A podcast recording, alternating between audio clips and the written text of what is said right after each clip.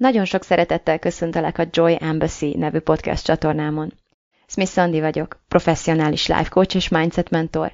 és ezzel a podcasttel abban szeretnék segíteni, hogy kiszabadulj az elméd és a körülményeit fogságából, elkezdj tényleg élni, és te magad is öröm nagy követté válj.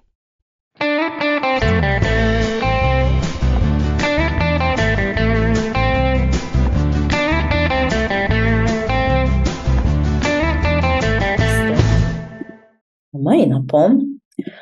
az önszabotálásról szeretnék beszélni nektek, méghozzá tőlem talán már megszokhatott, megszokott, megszokható? Mi itt a jelző? Tehát tőlem, tőlem talán már a megszokott módon egy más irányból fogok közelíteni ehhez a jelenséghez, mint amit mm, tulajdonképpen mostanában mindenhol máshol megszokhattatok. Tehát az önszabotálás az egy nagyon elterjedt kifejezésé vált mostanában a köztudatban, tulajdonképpen a pszichológiából uh, került be a köznyelvbe és mindenféle önfejlesztő körökbe, és tulajdonképpen azt a jelenséget nevezzük így, amikor uh, hiába tudod, hogy mit akarsz, és hiába tudod, hogy mit kellene ezt tenned, és hogy mit lenne, mi lenne neked a jó, és mi az, ami egyáltalán nem jó neked, igazából azt csinálod, ami nem jó neked. Tehát a szöges ellenkezőjét cselekszed annak, mint amit szeretnél. Um,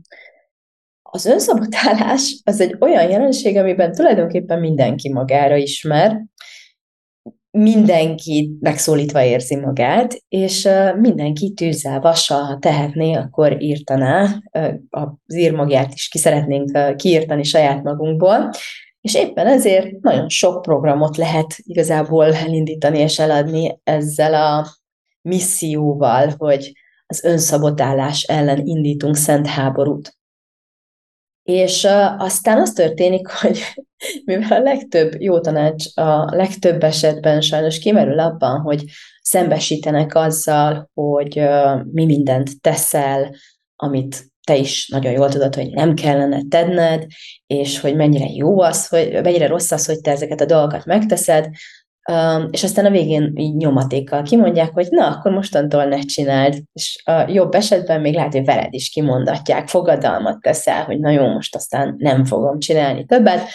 de hogy ez nem tűnik igazából maradéktalanul hatékonynak, hogy így fogalmazzak az önszabotálással való leszámolásban,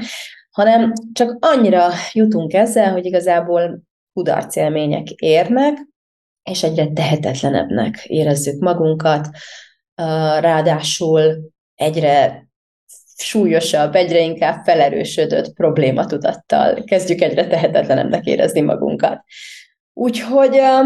megfigyelve ezt a jelenséget, és hogy milyen szinten azért ez egy mesterségesen is gerjesztett jelenség, tehát nem csak magától kezdett így fájni az emberek többségének, hogy te jó Isten, én milyen sok automatikus módon, mennyi mintázattal szabotálom magam, hanem azért elég sok helyen nyomkodják, hogy úgy mondjam, ezeket a gombunkat, hogy, hogy ebből problémát csináljunk, problémát kreáljunk magunknak, amit aztán nagyon sok pénzért meg akarunk oldani. Ezért én arra gondoltam, hogy egy kicsi enyhítő balzsamot próbálok hozni nektek erre, mert a helyzet az, hogy én az elmúlt hónapok során igencsak barátságos viszonyt alakítottam ki ezzel a retteget szörnyel, polgári nevén az önszabotással. Tehát a mögöttem álló időszak, az azt hiszem elmondhatom, hogy mindenféle szempontból nagyon nehéz volt számomra, és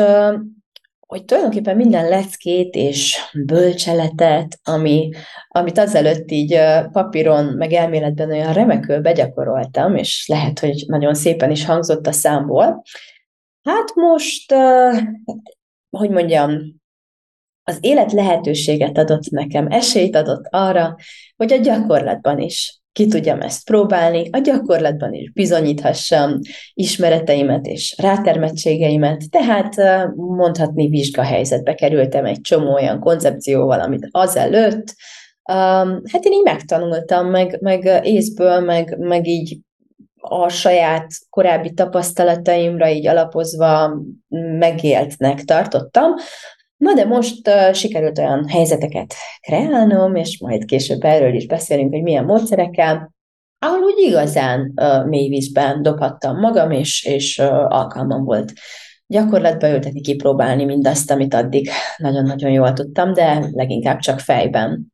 És rájöttem, hogy ez igazából, uh, ez hasznos szerintem egy segítő számára, mert hát máskülönben hogyan papoljon elengedésről valaki olyan, aki még soha nem veszítette el semmi fontosat? Vagy hogyan papoljon türelemről és kitartásról az, akinek igazából minden a zölébe hult így kb. egyből. Tehát így bejött az élet, és még nem nagyon került olyan helyzetbe, hogy különösebben sokáig kellett küzdenie valami miatt. Vagy hogyan papoljon békéről valaki olyan, akinek a nyugalmára jócskára segít az, hogy tulajdonképpen talán nem is titkolt vagy titkolható módon az élete nagyjából minden fontos területén kb. ilyen jackpot győztesnek tűnik, legalábbis az életének a, a, a mostani szakaszában. Hát, hogy ez olyasmi egy kicsit, mint hogyha, mint amikor valaki olyan tanít a házasságról, aki nem házasodhat, vagy olyan valaki magyarázza neked a szülést, akinek nincsen méhe. Tehát mondhatni bevett gyakorlat, és ez mégsem maradéktalanul teszi jóvá Elfogadhatónak szerintem éppen elfogadható, ez, ez is, sőt, igazából nem az a célom ezekkel a szavakkal, vagy ezzel a podcasttel, hogy, um, hogy így degradáljam azt a tudást, ami úgy igazából a gyakorlatban még nem társult uh, valódi megéléssel. De mindenképpen azt kell mondanom az utóbbi néhány tapasztalatom után, hogy hogy nagyon másképp él, nagyon másképp beszél, és nagyon másképp tanít valaki olyan, aki, akinek a tanítása mögött valós húsvér megélés áll. És szerintem ez érződik annak is, amikor innen tanít valaki, és érződik a fogadói oldalról is. No, um, ami az önszabotálást illeti, az első lépés, amit javasolni szeretnék, az tehát az, hogy álljunk le a dolognak a démonizálásával. Az önszabotálás az tulajdonképpen nem egy probléma. Egyáltalán nem probléma, nem egy diszfunkció, nem valamiféle jellembeli uh, hiányosság, vagy valamiféle gyengeség, aminek nagyon-nagyon gyakran szoktuk tartani, hanem tulajdonképpen az agyunk legprimitívebb működésmódjából fakadó, teljesen normális működés, alapműködés. Alapvetően a, az evolúció által belénk programozott motivációs triádnak a parancsát követi, hogy tulajdonképpen semmi más nem történik, mint az, hogy a jelenben az azonnali kielégülést, az agyunk mindig előrébb sorolja, mint a hosszú távú érdekeinket. Tehát teljesen semmi más nem történik, mint az, hogy igen, újra és újra bebizonyosodik, hogy egy olyan agy, aminek a működésébe mindenféle módszerekkel, eszközökkel és tudatosítással nem avatkozunk bele, az az elme, az reaktív, az az agy reaktív, és az az agy a pillanatban teljesen figyelmet, figyelmen kívül hagyva a hosszú távú következményeket, mindig a pillanatnyi kielégülést fogja előnyben részesíteni. Ez az egyik dolog. A másik pedig az, hogy önszabotálásról anélkül egyáltalán nem is beszélhetnénk, hogy előtte ne határoznánk meg valamiféle célt. Mert mindig ahhoz képes, csak ahhoz viszonyítva tudod eldönteni valamiről, hogy az jó vagy rossz, hogy hát mi a cél, tehát mihez képest rossz vagy jó. És innentől fogva tulajdonképpen ez egy értékítélet. Tehát ez egy nagyon-nagyon szubjektív fogalommá válik, nincs uh, abszolút jó, vagy abszolút rossz fajta működés, hanem minden csak valamihez képest, valamihez viszonyítva lesz hasznos, vagy nem hasznos egy adott ember életében. Tehát amikor önszabotálunk, akkor nem hülyék vagyunk, még egyszer el szeretném mondani, és nem vagyunk akaratgyengék sem, hanem azért történik ez a dolog, mert mert nem avatkozunk közbe az, az emberi agyunknak a teljesen normális és egészséges működésébe. Bármiért is. Akár azért, mert nincsenek erre eszközeink, tehát nem ismerünk módszereket, módozatokat arra, hogy hogyan tudnánk beavatkozni, akár azért, mert ismerünk ilyen módokat, de éppen nem használjuk ezeket, akármilyen okból, és néha ez az ok az, hogy nagyon mondjuk nagyon fáradtak vagyunk, tehát egyszerűen ez, lássuk be, beavatkozni az agyam működésébe energiaigényes. Az agyamnak egy olyan részét kell használnom, amit az agy nem véletlenül nem akar használni 0-24-ben, ez a bizonyos prefrontális kortex, ez olyan, mintha ilyen, tehát hogyha soha nem pihentetnéd magadat, mint hogyha, mint hogyha mind, lenne valami nagyon sok áramot fogyasztó géped, és ezzel egyáltalán nem akarnál takarékoskodni otthon, hanem egyfolytában menne ez a gép, és igazából igen, ez sok energiába kerül. Nem biztos, hogy mindig van annyi energia otthon a rendelkezésedre állóan, hogy, hogy ekkora energiát 0-24-ben folyamatosan ki tudjál fejteni aki sokat gyakorol, vagy mondjuk uh, uh, sokat meditál, vagy gyerekkora óta meditál, vagy egy asramban nőtt fel például, uh,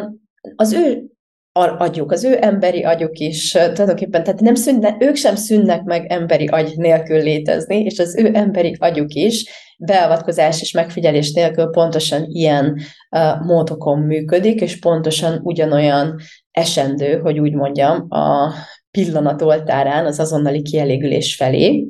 Annyi változik csak, hogy az ő esetükben, tehát az, egy, egy sokat gyakorló ember, egy alapvetően a tudatosságot és az ilyen-olyan eszközöket sokat ismétlő, rutinnál tevő ember esetében az lesz a különbség, hogy az önreflexió az készségszinten beépül, tehát ez nem kerül annyi energiába, mint annak, aki ezt most tanulja, az intervenció az egy ilyen bejáratott szokássá válik, tehát ez megint csak olyan, hogy hogyha először szólnak rá, hogy figyelj, időnként nézzél már rá erre a tűzre, és tegyél rá, akkor az elején mindig plusz energiába kerül neked, hogy emlékeztesd magad, hogy jaj, jaj, meg fogunk fagyni. A, a tűz, hogy van a tűz, menjek. És, tehát, hogyha te egy, igen, ez egy jó példa, hogyha egy olyan lakásban laksz, ahol gázfűtés van, soha nem volt tűz, fatüzeléses kazánnal semmiféle dolgot, és mondjuk elmész egy olyan üdülőbe, ezt velem pont meg is történt, egy ilyen sí kis, nem tudom mi ez, egy ilyen téglaház a hegyekben, vagy, fahá, vagy mi ez, kőház, kőház, kő és faház az erdei hegyekben, ahol, ahol ráadásul a kazán nem is ott van, ahol, a, ahol mi voltunk, nem abban a légtérben, hanem mindig le kellett menni hozzá a pincé, le kellett menni a pincébe, ahhoz, hogy tegyünk a tűzre. Na most az van, hogy ebben a, ebben a helyzetben mivel hogy számodra ez nem egy bejáratott szokás, mindig kell magad emlékeztetni, hogy várjál már, ez a nagy kényelem, ez csak azért van, mert még ég a tűz, de ki fog aludni a tűz, és akkor nagyon-nagyon gyorsan nagyon hideg lesz, úristen, éjszakára megfagyunk, valaki menjen be, menjen le, és ellenőrizze, hogy van a tűz. Tehát először sokkal több uh,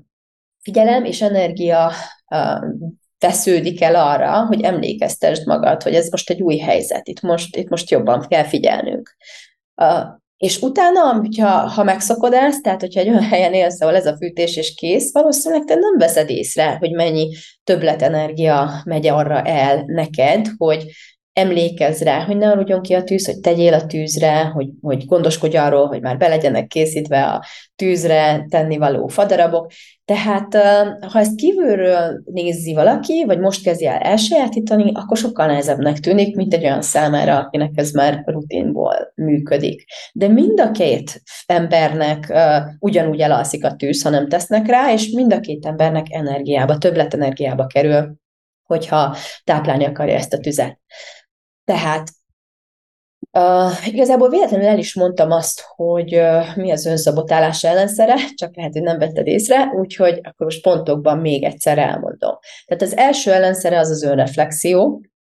tehát az a készség, hogy megfigyeled magad az automatikus működésed közben. A második ellenszer, tehát a második lépés az intervenció, tehát az a készség, hogy ha szükségesnek látod, akkor megvannak az eszközeid arra, hogy beavatkozz az agyad automatikus pillanatnyi működésébe. És a harmadik az pedig az,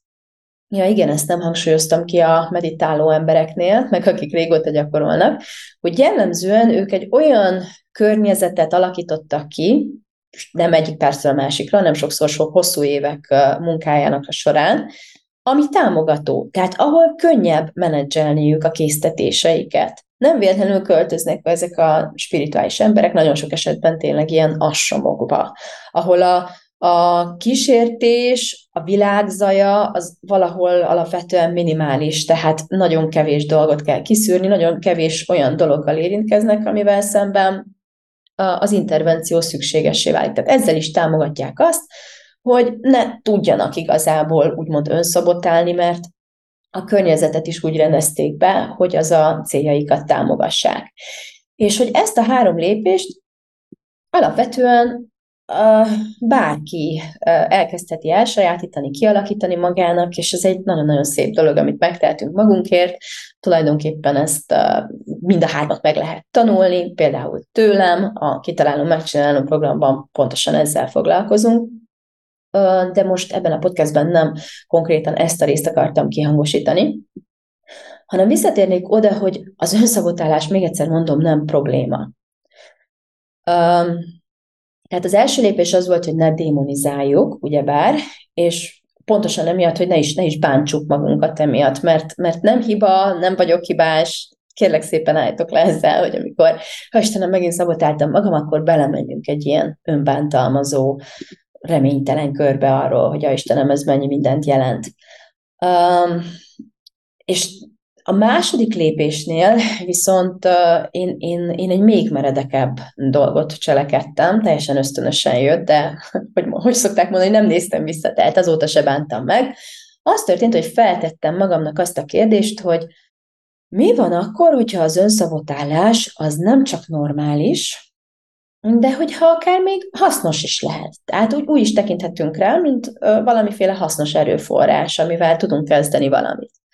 Ha így tekintenék rá, akkor mit tudnék tanulni magamról, a saját működésemről, ö,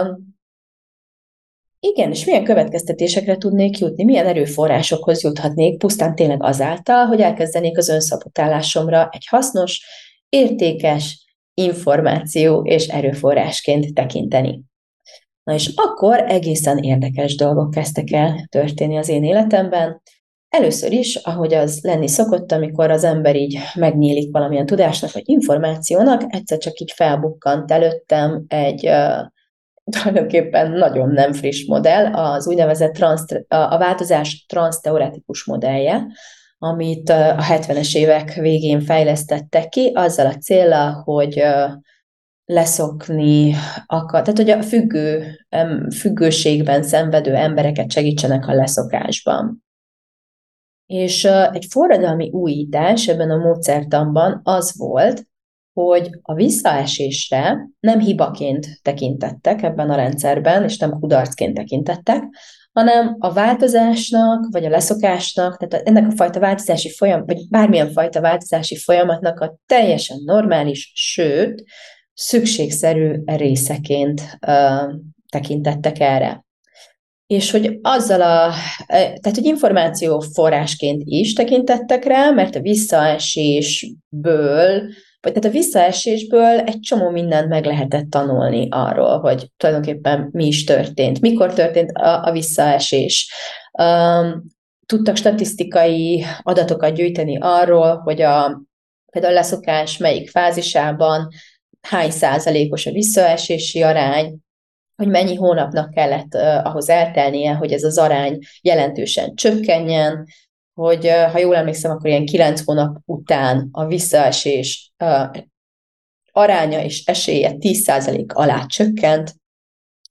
akkor ez egy leszokó számára nagyon pozitív, erőt adó dolog is tud lenni, hogy egyrészt az, hogy amikor elköveti ezt a, ezt a bukást, ezt a, ezt a botlást, vagy minek is nevezzem, akkor nem egy szégyenérzetet erősítünk benne ezáltal, és nem egy ilyen, meg, tehát nem egy ilyen megszégyenülés, egy ilyen kudarc élmény éri, hanem egy megerősítés abban, hogy persze ez a, a folyamatnak a teljesen természetes része, gyere nézzük meg, hogy uh, mi történhetett itt, gyűjtsünk információt, vonjuk le a következtetést, és aztán folytatjuk tovább, és és hogy minden egyes megtett hónappal egyre kevesebbszer fog ilyen történni, de egy ideig még fog, és az is nagyon érdekes, hogy azt hiszem, ha jól emlékszem, akkor három év kellett elteljen mondjuk egy függőnek ahhoz, hogy úgy, hogy addigra már szinte egyáltalán nem voltak visszaesései, hogy tényleg így kb. olyan szintre essen a visszaesés elkövetése, úgymond, mint egy olyan embernek, aki mondjuk sosem volt függő. Tehát gyakorlatilag nem az agyából kikondicionálódott ez a függőség, de ahhoz három évig kellett gyakorolnia a, a nem tudom, mint nevezzem, önmegtartóztatást, tehát tá, három, három évig kellett távol maradnia az adott szokástól, három évig kellett leépítenie, tehát nem megerősítenie az adott szokást. Jó, um, ha nehéz ezt a koncepciót most ezen a ponton befogadnod, akkor képzel csak el a kisbabákat. Hogy a kisbabák esetében, amikor tanulnak járni, akkor mennyire természetesnek tudjuk tartani azt, hogy nem megy egyből, hanem mindig felállnak, leesnek, felállnak, leesnek, felállnak egy kicsit, leesnek egy kicsit. És ezt akárhányszor. És hogy ez alapján nem vonjuk le ugyanazokat a következtetéseket, amiket magunkról szoktunk, amikor elindulunk valahová, de folyamatosan elesünk, hogy például úristen, de béna vagyok, uh, Jézusom, biztos nem vagyok elég motivált, vagy hát nincs nekem elég akaraterőm ehhez, meg kitartásom, meg különben is mit is gondoltam, adjuk fel, ez lesz a legjobb, hogyha feladjuk. Tehát egy kisbaba esetében nem gondolunk ilyet, a kisbaba sem gondol szerencsére ilyeneket, hanem ő csak azt tudja, hogy leesett, feláll, leesett, feláll. Nagyjából ez a program van beleírva. És, és hogy nem csak, hogy nem csak, hogy nem baj az, hogy nem egyből megy a járás, és hogy ö, ennek része az, hogy a babának el kell esnie, de hogyha belegondolsz, szüksége van arra, hogy lehessen felálljon, lehessen felálljon, mert ez egy googolás gyakorlat az, ami megerősíti eléggé az izmait ahhoz, hogy elbírja a teste súlyát, és aztán tudjon járni, sőt, szaladni is. És ez a metafora, ez nagyon állja a helyét az úgymond önszabotáló ismétlődéseink között is, tehát a botlásaink is újra és újra ismétlésében is. Ha képesek lennénk így tekinteni rá, és ahelyett, hogy tényleg kudarc élményként érnénk meg, élnénk meg, amire hivatkozva azonnal feladnánk, vagy csak két kör után, de ugyanolyan nagy sértettséggel is dúzogva adnánk fel a dolgokat, hanem tényleg úgy tudnánk tekinteni rá, hogy figyelj, mindig, ha egy két lépéssel többet teszek meg, akkor már egy csomót tanultam az előző bukásomból, de igazából semmit nem tanulnék bele, csak annyit, hogy elbuktam, felálltam, tehát a felállás gyakorlásából is erősödni fognak a, azok a szükséges izmaim, amelyek, amelyeknek erősödniük kell ahhoz, hogy ezt az adott célt végre tudjam hajtani. Ezt a készséget, amit most gyakorlok, ezt végül ki tudjam alakítani. És ami engem illet, egyetemi éveim során Mark Twainhez hasonlóan én is legalább százszor leszoktam a dohányzásról, egészen addig, amíg végül tényleg sikerült. És így utólag visszagondolva már tényleg, bár akkor nem ismertem ezeket a módszereket, és iszonyatosan uh, tudtam utálni magam, hogy miért, miért mondtam, hogy többet nem, és aztán akkor most megint miért mégis. De így visszatekintve biztosan, nagyon pontosan látható az, hogy az nem száz kudarc volt, hanem, hanem tulajdonképpen száz googolás, száz erősödés, száz gyakorlás annak, hogy hogyan kell leszokni, és, és minden egyes alkalomra szükség volt ahhoz, hogy aztán eljön az az alkalom is, ami végül tényleg az utolsó legyen, és az már egy sikeres alkalom legyen. Tehát nem biztos, hogy száz ez a szám, és pont ez a lényeg. Teljesen mindegy, hogy hány. Ha úgy tudnánk rá tekinteni, mint ahol minden egyes alkalom szükséges, akkor hát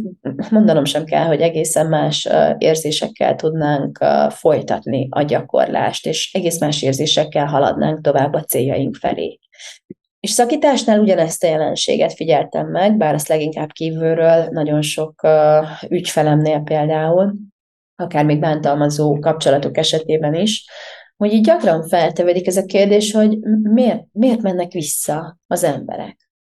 Miért? Főleg a nők. És nem főleg a nők, csak én főleg nőkkel foglalkoztam, és, és tényleg ez egy nagyon gyakori jelenség, hogy végre ki van mondva a vége, végre megpróbálnak elmenni, de aztán meggondolják magukat, vagy aztán visszamennek. És lehet, hogy nem egyszer, hanem többször. És ez kívülről nézve uh, borzasztó, tehát a, a, a környezet ilyenkor nagyon ítélkező ezzel a fajta ismétléssel, vagy úgy, úgynevezett vissza, talán nem tekinthetünk erre úgy, hogy visszaeséssel szemben, és ilyenkor például nagyon sokan elfordulnak az embertől, mert uh, mert miért nem erősebb, vagy megígérte, hogy elmegy, aztán mégsem ment el. És igazából pont ezzel az elfordulással, vagy azzal, hogy ezt ilyen karaktergyengeségnek tekintjük, ezzel sodorjuk igazából veszélybe ezeket az embereket, vagy pont ezzel tudjuk igazán uh, hát megszüntetni a kapcsolatot velük, amin keresztül segíteni tudnánk őket, mert hogy ez egy tök, bár nem tűnik racionálisnak, sőt önszabotálónak tűnik, de ez egy nagyon érthető és kiszámítható viselkedés, hogy ö, megpróbál elmenni, de ez még nem az a próbálkozás, aminek a siker a vége. Ez még az a próbálkozás, ami, ami egy googolás a kisgyereknek, amin, amin keresztül erősödne, ha tudnánk támogatni abban, hogy ez egy erősítőkör volt. Ez most nem a sikerköre volt, ez most egy, egy erősítőkör volt még. És éppen ezért is olyan szomorú, hogy ennyire nem vagyunk, nem csak hogy belátással és megbocsájtással, hanem hogy, hogy nélkülözi a legtöbb ember a legalapvetőbb ismereteket is a saját agya működéséről, és démonizálunk az agyunkban olyan működésmódokat, amelyek teljesen természetesek, és tényleg ilyen karakter uh, ítélet formáló uh, nem tudom, hatásnak kezdjük el értékelni ezeket a dolgokat, és ezzel sokkal, sokkal többet ártunk saját magunknak is, és másoknak is, mint amennyi haszt, gyakorlatilag ennek nincsen haszna, gyakorlatilag ezért csak is árat fizetünk. Úgyhogy, ami nagyon-nagyon hasznos tud lenni, az az, hogyha te is egy ilyen is, folyamatos ismétlésben vagy, vagy valami, valaminek a gyakorlásában vagy éppen, és úgy érzed, hogy elakadtál vele, és nem nagyon haladsz semmilyen irányba, és tulajdonképpen ugyanazokat a hibákat véted újra és újra, akkor nagyon hasznos tud lenni, hogyha minél közelebbről és minél apróbb részletekre bontva vizsgálnod meg, hogy tulajdonképpen mi is történik a te esetedben, és milyen fázisokból áll ez a folyamat. Ilyen mikroszkopikus részecskékről beszélek, ami alatt azt értem, hogy ha például maradjunk a dohányzásnál, tehát hogyha leszeretnél szokni például a dohányzásról, akkor ne csak úgy fogalmazd meg az önszabotálásodat, vagy a botlásaidat, hogy hát már egy éve megfogadtam, hogy leszokom, de mégis minden alkalommal, amikor mondjuk elalszanak a gyerekek, azonnal rágyújtok. Ez, a, ez így első körnek jó, viszont ilyenkor előveszük a nagyítót, rázumolunk, és megnézzük, hogy hány, mm, hány ilyen másodpercből áll tulajdonképpen, hány elkülöníthető fázisból áll ez a tulajdonképpeni cselekvés. Például attól számítva, hogy elaludtak a gyerekek, mikor bukkan fel bennem az első gondolat,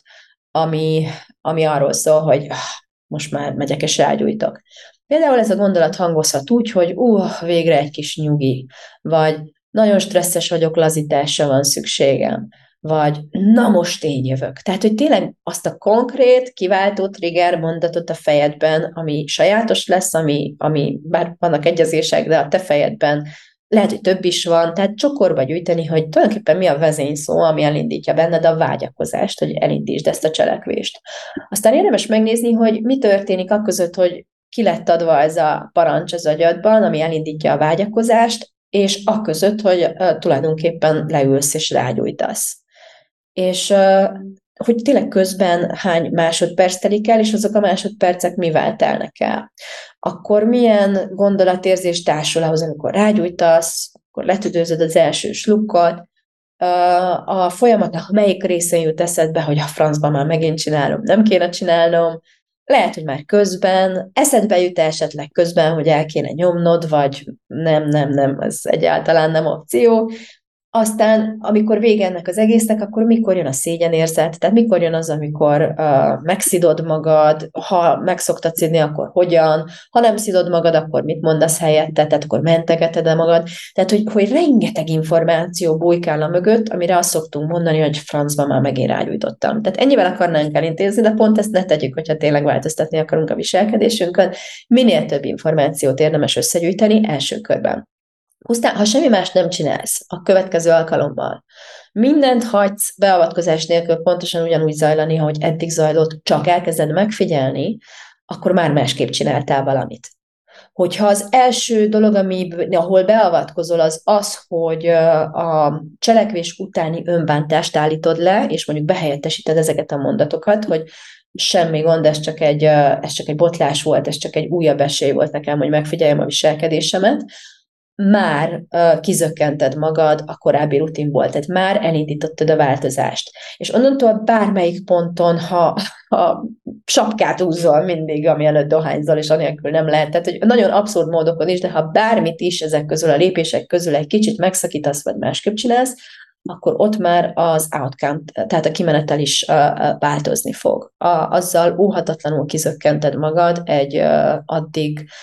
szent és sérthetetlen spirálból. És ezzel el fogod indítani a változást, és hogyha kitartóan folytatod a beavatkozást, akkor előbb vagy utóbb el, teszel annyi guggolást, hogy sikerrel járj, és többet ne kelljen próbálkoznod.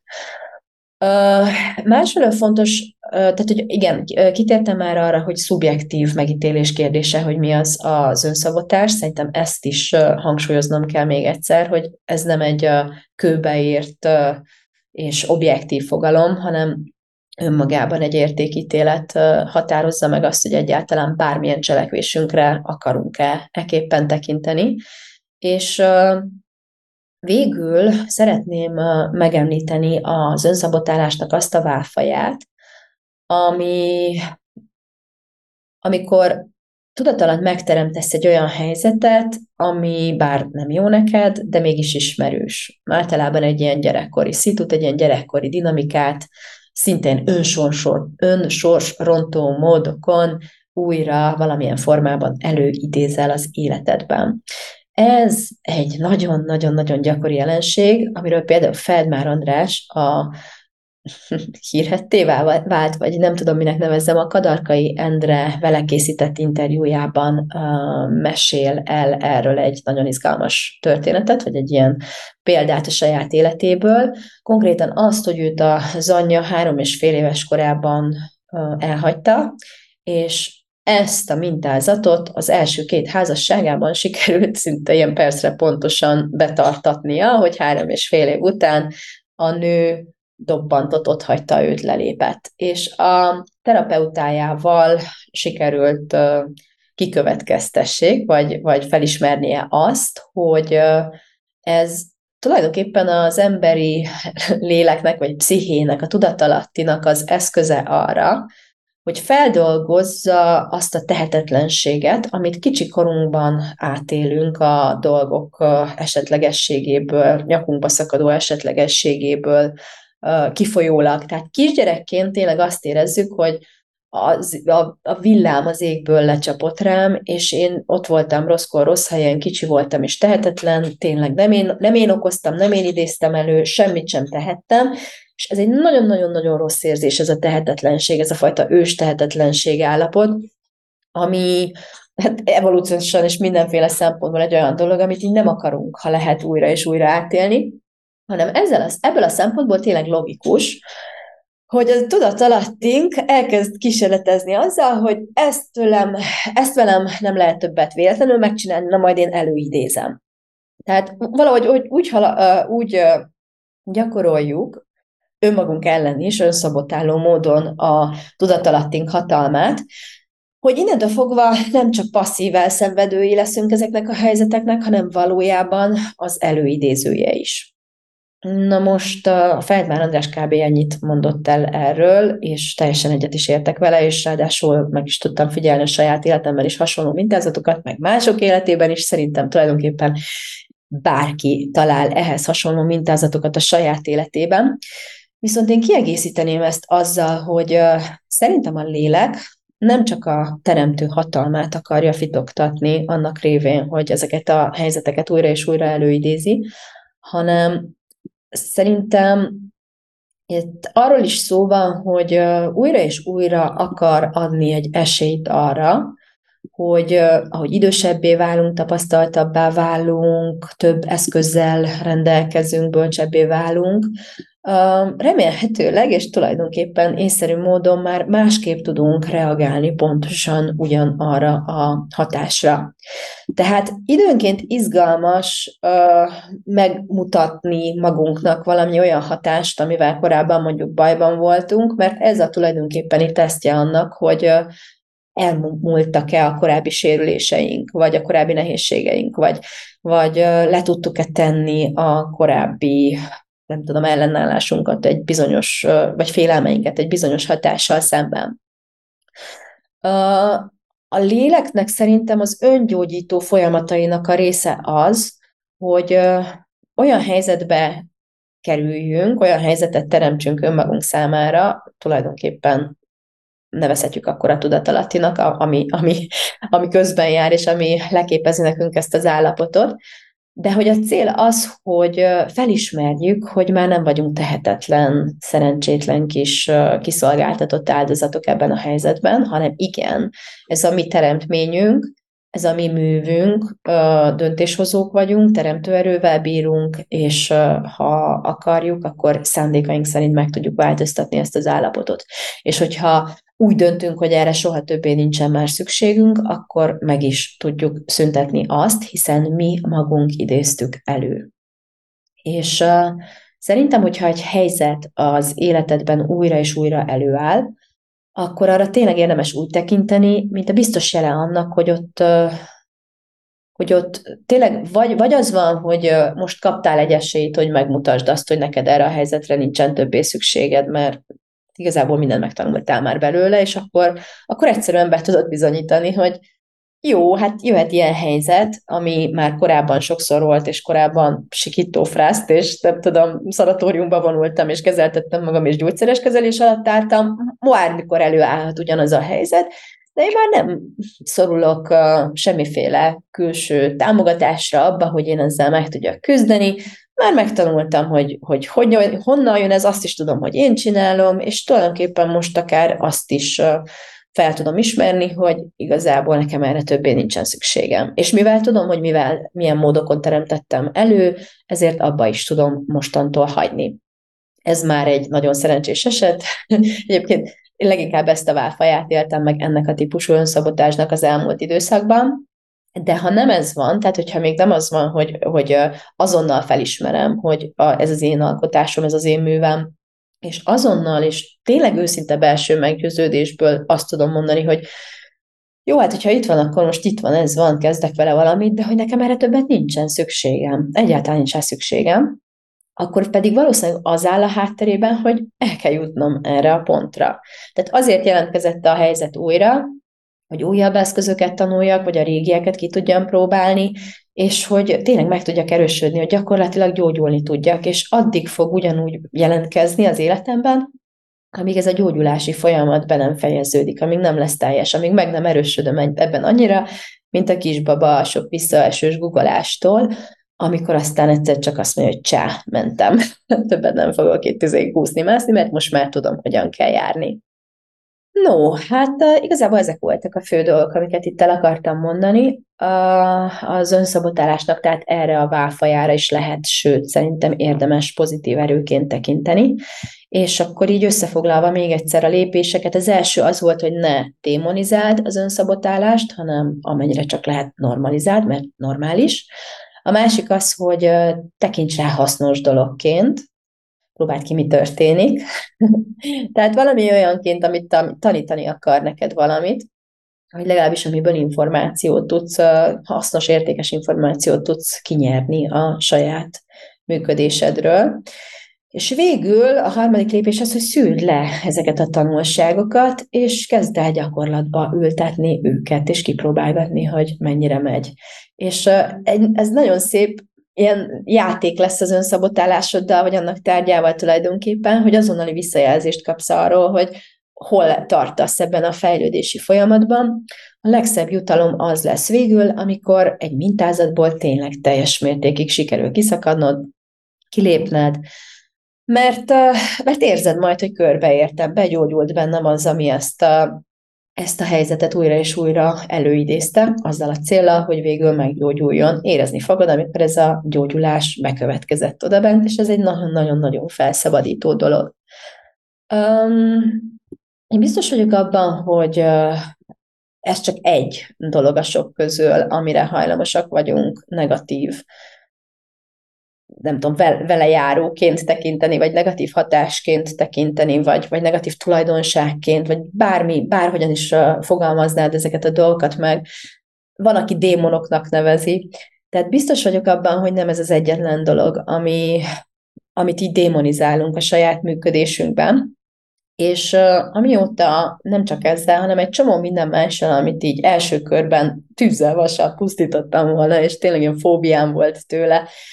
gyakorlatilag elkezdtem elvégezni nagyjából ugyanezt a munkát. Hogy abba hagytam a démonizálását, hogy elkezdtem normalizálni, hogy elkezdtem onnan a normalizálás után feltettem a következő kérdést, hogy ez miért hasznos, hogy tudnék rá hasznos tanítóként, hasznos erőforrásként tekinteni. El nem mondom, hogy hányféle dologról derült ki az életemben, hogy messze nem olyan fekete az ördög, mint amilyennek így elsőre tűnik, vagy mint amilyennek a reklámok próbálják feltüntetni pont azért, hogy, hogy, hogy azt higgyük, hogy valami írdetlen oltári nagy baj van velünk, amikor semmi másról nincs szó tulajdonképpen, csak arról, hogy emberi agyunk van.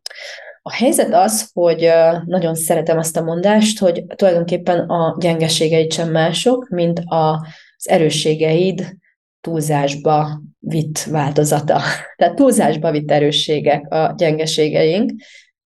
ez is egy hasonló gyökerű megközelítés, és én úgy döntöttem pont ebből a sok sikerélményből kiindulva, hogy novemberben indítok egy kihívást a Kitalálom, Megcsinálom programban, ahol ezeknek a, az elvitatott kincseknek fogunk a nyomába járni, vagy nyomába szegődni, és pont ezeket próbáljuk feltárni, hogy hányféle ilyen kiaknázatlan kincs lehet jelenleg a működésedben, az életedben, ami, ami tényleg kincset ér, és amivel lehet, hogy életed óta küzdesz, mintha te démonizálod, és borzasztónak szígyelkezel miatta, tehát hogy nagyon sok ilyen uh, fájdalmas küzdelem és ellenállás, belső ellenkezés tapad hozzá, és nagyon sok rossz érzés, holott um, könnyen lehet, hogy olyan dolgokról, olyan hatásokról beszélünk, amiket egy picit megtisztogatva, egy kicsit másképpen rájuk tekintve tök nagy erőt uh, lehetne belőlük nyerni, és nagyon-nagyon értékes információval bírnának. Úgyhogy uh, én remélem, hogy uh, ezen a példán keresztül, ami az önszabotálás volt ebben az esetben, egy kicsit te is megérezted, hogy wow, tényleg nagyon gyorsan el lehet mozdulni végül is néhány gondolatot kicserélve, vagy egy kérdést másképpen feltéve, és hogyha így van, akkor nagyon-nagyon szeretettel várlak a Kitalálom, Megcsinálom következő fordulójába, ahol a Tárt fel kincseidet nevű 30 napos kihívást fogjuk elvégezni. Nagyon szépen köszönöm a figyelmedet, és szia! thank you